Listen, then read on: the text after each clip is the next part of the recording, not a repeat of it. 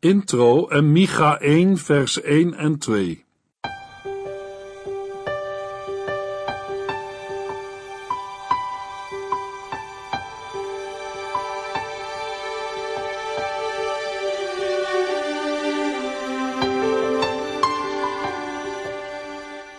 Hartelijk welkom bij De Bijbel Door. Dit is een programma van Transworld Radio. U kunt ons ook vinden op internet www.transworldradio.nl. De Bijbel Door is een radioserie die in vijf jaar tijd door de hele Bijbel gaat. Van Genesis tot Openbaring, van kaft tot kaft.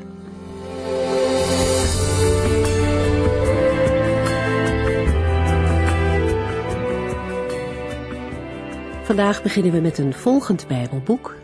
De profeet Micha is aan de beurt. We horen meer over wie deze profeet was, wanneer hij profeteerde en wat in hoofdlijnen zijn boodschap is. Zijn prediking begint met een oproep aan alle volken om te luisteren. Hoort gij volken allemaal. Dat is een woord van de Heere en het is belangrijk dat alle mensen dat horen. Aardig om te weten is dat er nog een profeet is geweest in het Oude Testament met de naam Micha.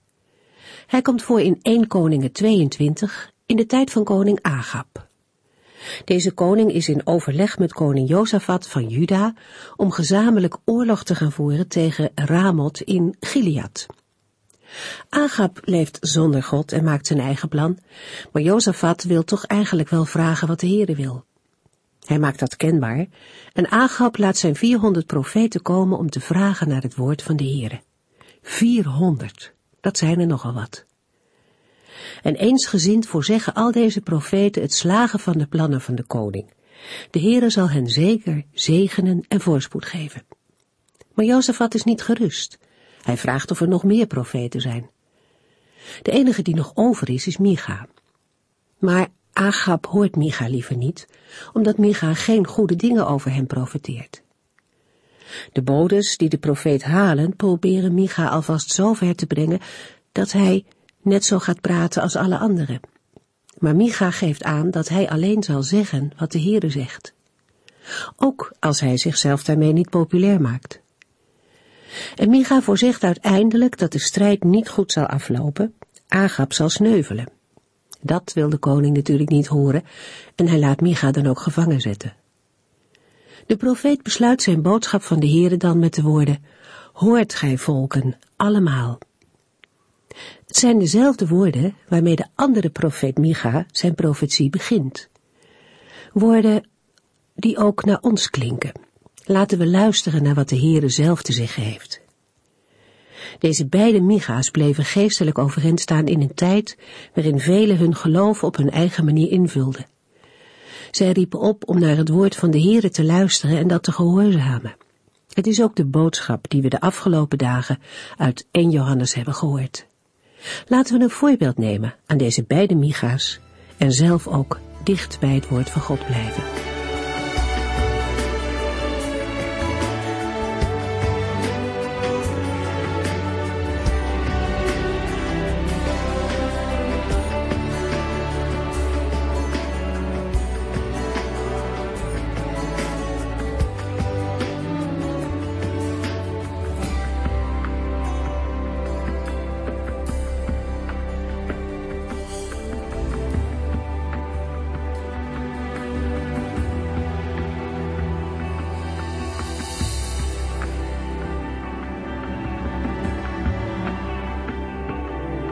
De naam van het Bijbelboek dat nu onze aandacht vraagt is van de profeet Micha. We kunnen zijn naam opvatten als een korte samenvatting van zijn boodschap. Micha is een afkorting van de Hebreeuwse naam Michayahu, een heel bekende naam in Israël, die we in de Bijbel dan ook een aantal keren tegenkomen. De naam is een beleidenis. Wie is als God of wie is als de Heere? De naam van de profeet is typerend voor de boodschap van de profeet, want zoals hij heet, zo spreekt hij ook. Allereerst zit er iets strijdbaars in de naam Micha. We ontdekken dat als we ons realiseren dat Micha een naamgenoot is van de aartsengel Michael. En over Michael lezen we in Daniel 10, vers 13.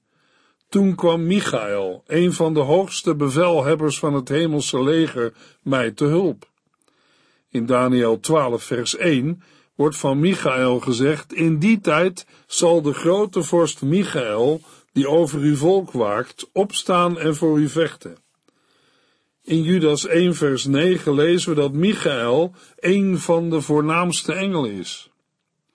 Als er ergens iemand durft te beweren dat hij of zij als God is, dan krijgt hij met Michael te maken. Dan rukt een van de voornaamste engelen, Michael, met zijn engelenlegers uit en klinkt zijn overwinningsroep. Wie is gelijk aan de Heere, aan Yahweh, die tot zijn eeuwige eer zijn troon heeft in de hemel? Deze overwinningsroep horen we ook in de woorden van de profeet Micha. Hij heeft een grote en diepe eerbied voor zijn God. De woorden van zijn tijdgenoot Jezaja zijn Micha uit het hart gegrepen. We lezen in Jesaja 40 vers 25, waar de Heere zegt, Met wie wilt u mij vergelijken? Wie is aan mij gelijk? De naam van de profeet tekent ook zijn onverzettelijkheid als het om het woord van de Heere gaat. Micha profeteert met het gezag van zijn zender, de Heere, en God is aan niemand verantwoording schuldig. Daarin lijkt Micha sprekend op zijn naamgenoot, Micha, de zoon van Jimla, die profeteerde in de dagen van de koningen Agab van Israël en Jozefat van Juda. Toen hem geadviseerd werd voor zijn eigen bestwil een beetje rekening te houden met wat de koning wilde horen, was zijn antwoord in 2 Kronieken 18 vers 13. Ik zweer bij God dat ik alleen zal zeggen wat God zegt. Het is Micha, de zoon van Jimla, niet in dank afgenomen, net zo min als dat met zijn naamgenoot in later tijd het geval was. Maar dat was niet belangrijk voor hen. God sprak, en zij waren niet meer dan een hulpmiddel in zijn dienst. Aan de andere kant klinkt er in de naam Micha ook iets lieflijks en uitnodigends. Daarin lijkt Micha op de psalmdichter van Psalm 113, vers 5 tot en met 9, waar we lezen: Is iemand te vergelijken met de Heere, met onze God die zo onmeetbaar hoog woont? Met onze God die zo heel laag moet neerzien om te zien wat in de hemel en op aarde gebeurt? Hij helpt kleine mensen opstaan uit het stof en armen tilt hij op uit de modder. Hij laat hen zitten bij de vooraanstaanden uit het volk. Onvruchtbare vrouwen verandert hij in gelukkige moeders. Prijs de Heere. In die woorden horen we de lokroep van het evangelie. Micha roept het uit in Micha 7 vers 18 en 19. Waar is een God als u, die de zonden van de overlevenden van zijn volk vergeeft. U kunt niet voor eeuwig boos blijven op uw volk, want u houdt ervan genadig te zijn. U zult opnieuw medelijden met ons hebben. U zult onze zonden vertrappen onder uw voeten. Ja, u zult ze allemaal in de allerdiepste zee gooien. Daar loopt de boodschap van de profeet Micha met zijn felle boodschap op uit. Waar vindt u zo'n God? Wie is aan hem gelijk? Zoek geen andere God, zoek de Heere en leef. Wat de afkomst van Micha betreft, weten we niet meer dan dat hij in vers 1 wordt aangeduid als Micha, die in de stad Moreset woonde. Dat wil zeggen dat hij afkomstig is van het platteland ten zuidwesten van Jeruzalem, uit het plaatsje Moreset dat ook wordt aangeduid als Morreset Gat. Met de toevoeging Gat wordt aangegeven dat we de plaats in de naaste omgeving van de stad Gat moeten zoeken. Dat wil zeggen, tegen het land van de Filistijnen aan. Micha wordt daarom wel getypeerd als een profeet van het platteland, net als Amos, die voor Micha optrad in het noordelijke rijk Israël. Micha heeft ook tegen Samaria en tegen het noordelijke rijk Israël geprofiteerd. Maar het zwaartepunt van zijn optreden lag toch in het rijk van Juda en in Jeruzalem. Het tienstammenrijk Israël met de hoofdstad Samaria is vlak na het begin van Micha's optreden onder de voet gelopen door het Assyrische wereldrijk en in ballingschap weggevoerd. Deze conclusie kunnen we trekken op grond van de tijdsaanduiding in vers 1 waar we lezen het was in de tijd van de koningen Jotam, Agas en Hiskia, die regeerden over Juda.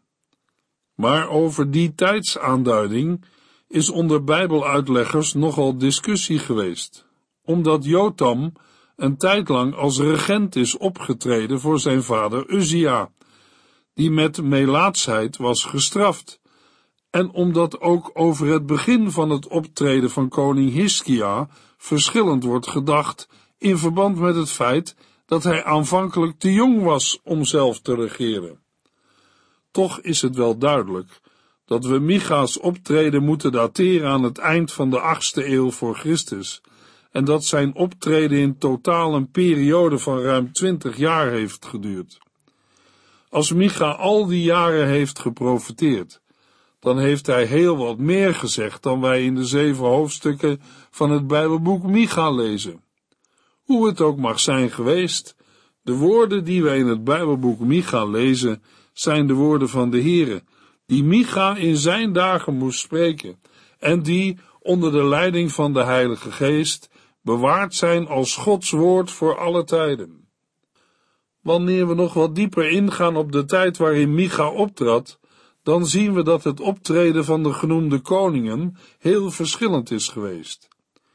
Jotam was een gelovige koning en vertrouwde op de Here. Agas was een van de meest goddeloze koningen die Juda heeft gekend. En Hiskia kennen we als een zeer gelovige koning. Hij vertrouwde op de Here en heeft het volk teruggeroepen tot de dienst van de Here. Van het optreden van Micha in de dagen van Hiskia lezen we een opmerkelijk getuigenis in Jeremia 26. Jeremia verkeert op dat moment in een hachelijke situatie. Priesters en profeten hebben hem ter dood veroordeeld omdat hij de ondergang van Jeruzalem heeft aangekondigd. Maar de leiders van Juda en het volk verzetten zich daartegen, omdat Jeremia gesproken heeft in de naam van God. Dan zijn er enkele wijze mannen die worden aangeduid als behorend tot de oudsten van het land, die aan het optreden van Micha herinneren. Zij zeggen in Jeremia 26, vers 18 en 19, deze mensen hebben gelijk, want tijdens de regering van koning Hiskia van Juda profeteerde de Morastiet Micha in de naam van de Heere. Deze heuvel van Sion zal worden omgeploegd als een akker en de stad Jeruzalem zal veranderen in een ruïne. Op de heuveltop, waar nu de tempel staat, zal een bos groeien. En bracht de koning Hiskia en zijn mensen hem hierom ter dood? Nee, zij bekeerden zich van hun zonden, aanbaden de Heere en smeekten hem of hij genadig voor hen wilde zijn. De Heere voerde de vreselijke straf die hij had aangekondigd niet uit. Als wij Jeremia doden, omdat hij ons de boodschap van de Heere doorgeeft, wie weet wat de Heere dan met ons zal doen? De woorden van de profetie van Micha vinden we in Micha 3 vers 12. Daarbij is het veelzeggend dat mensen, meer dan honderd jaar later, deze woorden van Micha blijkbaar zo uit hun hoofd kunnen citeren. Het optreden van Micha, de profeet van het platteland, moet dan toch wel heel veel indruk hebben gemaakt op de inwoners van Jeruzalem. Ze weten het nog precies. Mogelijk is dat ook onze ervaring bij het lezen van het Bijbelboek Micha. Als wij de inhoud op ons laten inwerken, komen wij, net als bij de leiders in Jeruzalem en de oude wijze mannen van het land, onder de indruk van de flitsende, indringende en beeldende manier waarop Micha spreekt. Al zijn de woorden die hij spreekt niet altijd even gemakkelijk te vertalen, en al is er in de loop van de tijd aan de tekst van het Bijbelboek Micha nogal wat gesleuteld, duidelijk is dat in Micha een man aan het woord is die spreekt namens zijn God en die zelf is gegrepen door de boodschap die hij moet brengen. en daarmee anderen aanspreekt, zodat ze moeten luisteren en de woorden van de Heere niet meer kwijtraken. Voor de volledigheid moeten we nog de opvatting vermelden dat de beide laatste hoofdstukken van Micha afkomstig zouden zijn van een profeet uit het noordelijke rijk, die dezelfde naam zou hebben gedragen. Maar die gedachte is voor ons niet overtuigend. Er is geen twijfel aan dat Micha zelf het Bijbelboek heeft geschreven. Het maakt de indruk één geheel te zijn. Het zou achter elkaar in één keer geschreven kunnen zijn. Het is moeilijk bepaalde gedeelten met bepaalde specifieke perioden te verbinden. Zelfs al zouden enkele profetieën op een vroeger tijdstip zijn uitgesproken, dan is het toch waarschijnlijk dat het Bijbelboek geschreven is tijdens de regering van deze koning, en wel tegen het levenseinde van de profeet, als een samenvatting van al zijn werkzaamheden. Wij aanvaarden het Bijbelboek Micha zoals het voor ons ligt, als het woord van God, en nemen de woorden uit vers 1 serieus, waar we lezen: Micha, die in de stad Moreset woonde, kreeg van de Heer in visioenen te horen wat er met Samaria en Jeruzalem zou gaan gebeuren. Van dat woord geldt nog steeds wat Petrus schrijft in 2 Petrus 1 vers 19 tot en met 21. Wij zijn er nu dus nog zekerder van dat het waar is wat de profeten hebben gezegd. U doet er goed aan daarop uw oog te richten, als op een lamp die een donker vertrek verlicht. Hun woorden verlichten ons innerlijk, totdat de morgenster opgaat in ons hart. U moet goed onthouden dat niets van wat de profeten in de boeken hebben gezegd, zonder de hulp van de Heilige Geest kan worden uitgelegd. Want zij hebben die woorden niet zelf bedacht, maar de Heilige Geest heeft hen ertoe gedreven namens God te spreken. In een andere Bijbelvertaling lezen we in 2 Petrus 1 vers 19 Wij hebben het profetische woord dat zeer vast is en u doet wel er acht op te geven als op een lamp die schijnt in een duistere plaats. De Bijbelgeleerden in Jeruzalem in de dagen van de geboorte van Jezus twijfelden niet aan de waarheid ervan. Toen zij op de vraag van Herodes, waar de Messias, de koning van de Joden, geboren zou worden, het antwoord gaven, citeerden zij de profeet Micha. In Matthäus 2, vers 5 en 6 lezen we het. In Bethlehem, in Judea, want de profeet Micha heeft geschreven, Bethlehem in Juda, u bent beslist niet de kleinste onder de leiders van Juda, want u zult de geboorteplaats zijn van een leider die een herder voor mijn volk Israël zal zijn. Zo heeft de profeet Micha het ook zelf van de Heer ontvangen en doorgegeven. Want Micha kreeg van de Heer in visioenen te horen wat er met Samaria en Jeruzalem zou gaan gebeuren. En die boodschap moest Micha doorgeven en bekendmaken. Het woord geschieden. Het is een feit. Micha heeft het gehoord en gezien. Micha was een tijdgenoot van drie andere profeten, Jezaja, Hosea en Amos. Het is mogelijk dat hij een vriend was van Jezaja. De profetie van Micha is door sommige Bijbeluitleggers wel een verkorte versie van het Bijbelboek Jezaja genoemd. Er zijn een aantal opmerkelijke overeenkomsten tussen beide Bijbelboeken. Bij veel mensen is Micha de favoriet van de kleine profeten. Het is een van de opmerkelijkste Bijbelboeken wat stijl betreft. De inhoud is prikkelend en persoonlijk. Micha is scherp, maar ook roerend en teder in zijn spreken. Er is een buitengewone schoonheid in het Bijbelboek, waarin Micha Gods oneindige tederheid combineert met zijn oordelen. Door de somberheid van het naderende oordeel heen zag Micha duidelijk de komende heerlijkheid en de verlossing van Israël. En dat maakt Micha tot een opmerkelijk Bijbelboek. Micha sprak het oordeel uit over Samaria en over Jeruzalem. Het waren de centrale plaatsen van waaruit werd geregeerd en van waaruit de mensen van het volk werden beïnvloed. Het zijn de problemen waar veel grote steden in onze tijd ook mee worstelen. Micha veroordeelde geweld, corruptie, diefstal, criminaliteit, buitensporig materialisme, het geestelijke en morele bankroet van een volk dat zijn God had verlaten.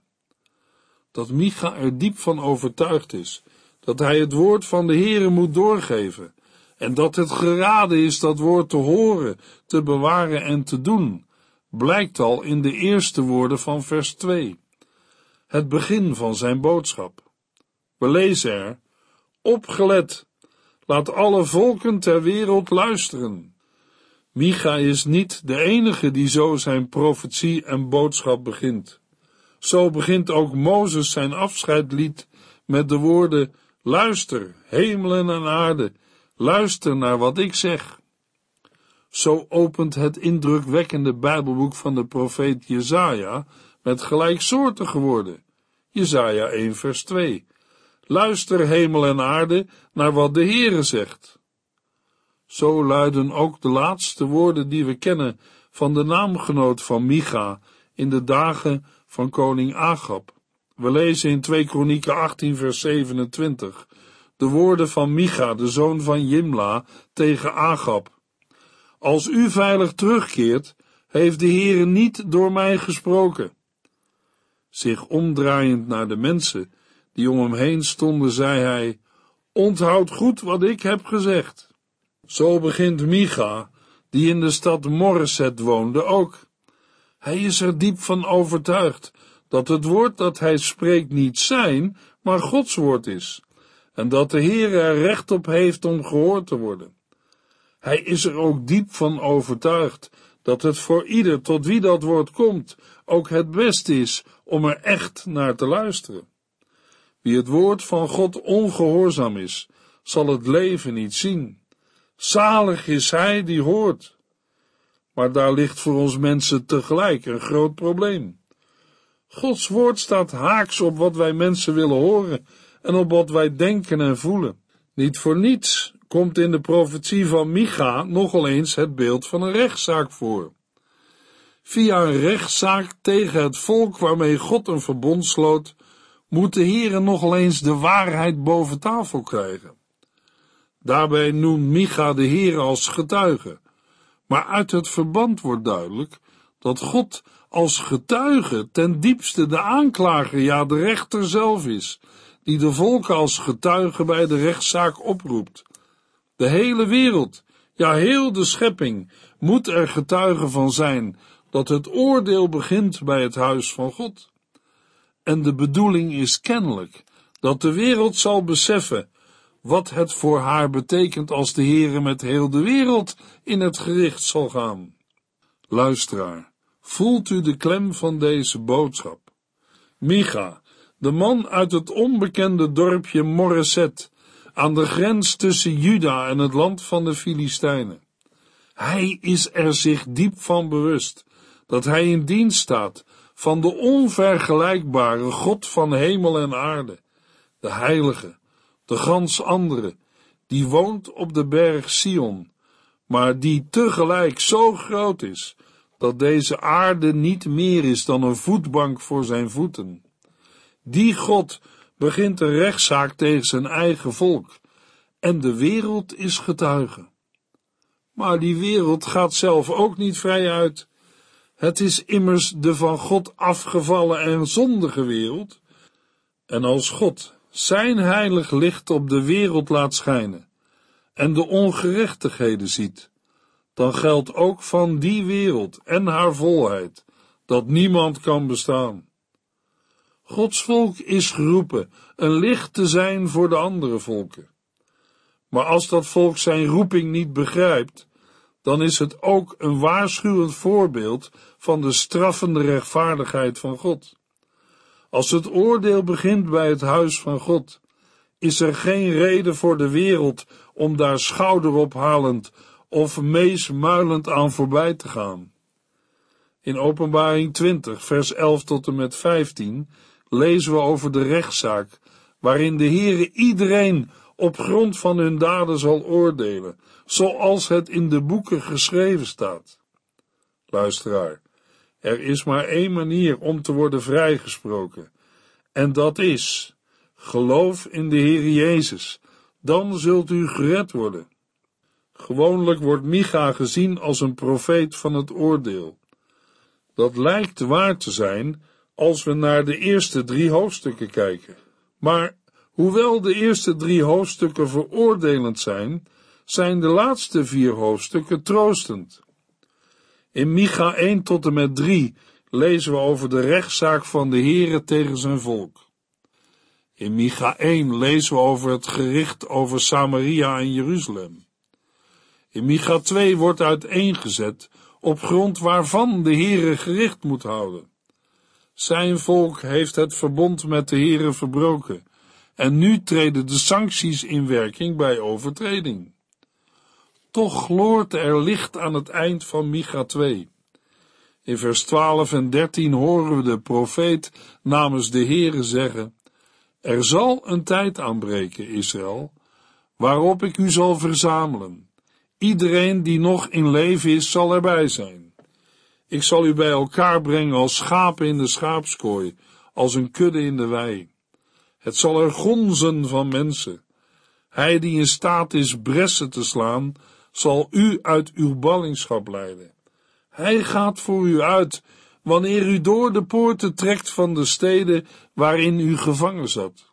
Uw koning gaat voorop, de Heer is uw aanvoerder.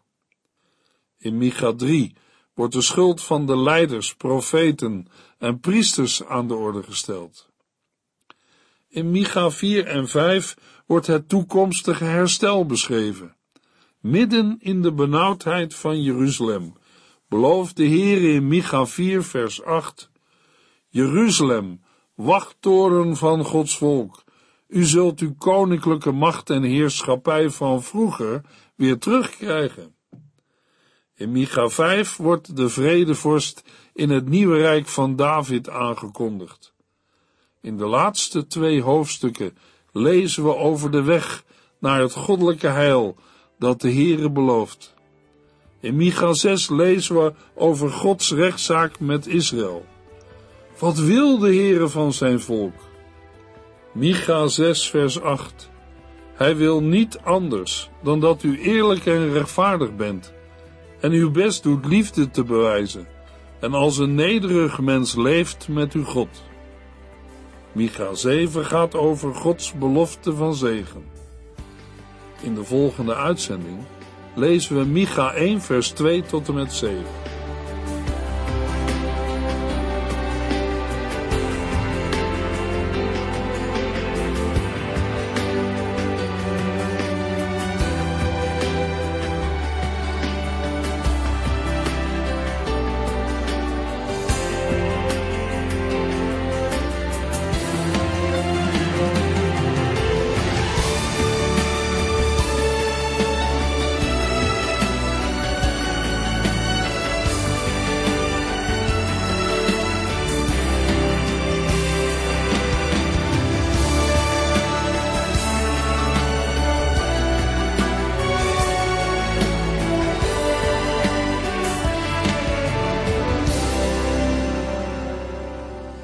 Eindigt deze aflevering van De Bijbel Door.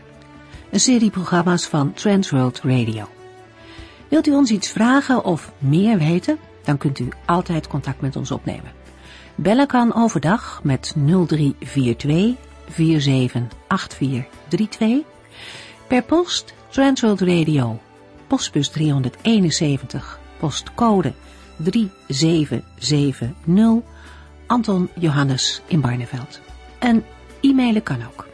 De Bijbel door at transworldradio.nl En natuurlijk ook via onze website transworldradio.nl Dit programma werd gepresenteerd door Cor Weda en Ike André. En namens iedereen die er nog meer aan meegewerkt heeft, graag tot de volgende keer.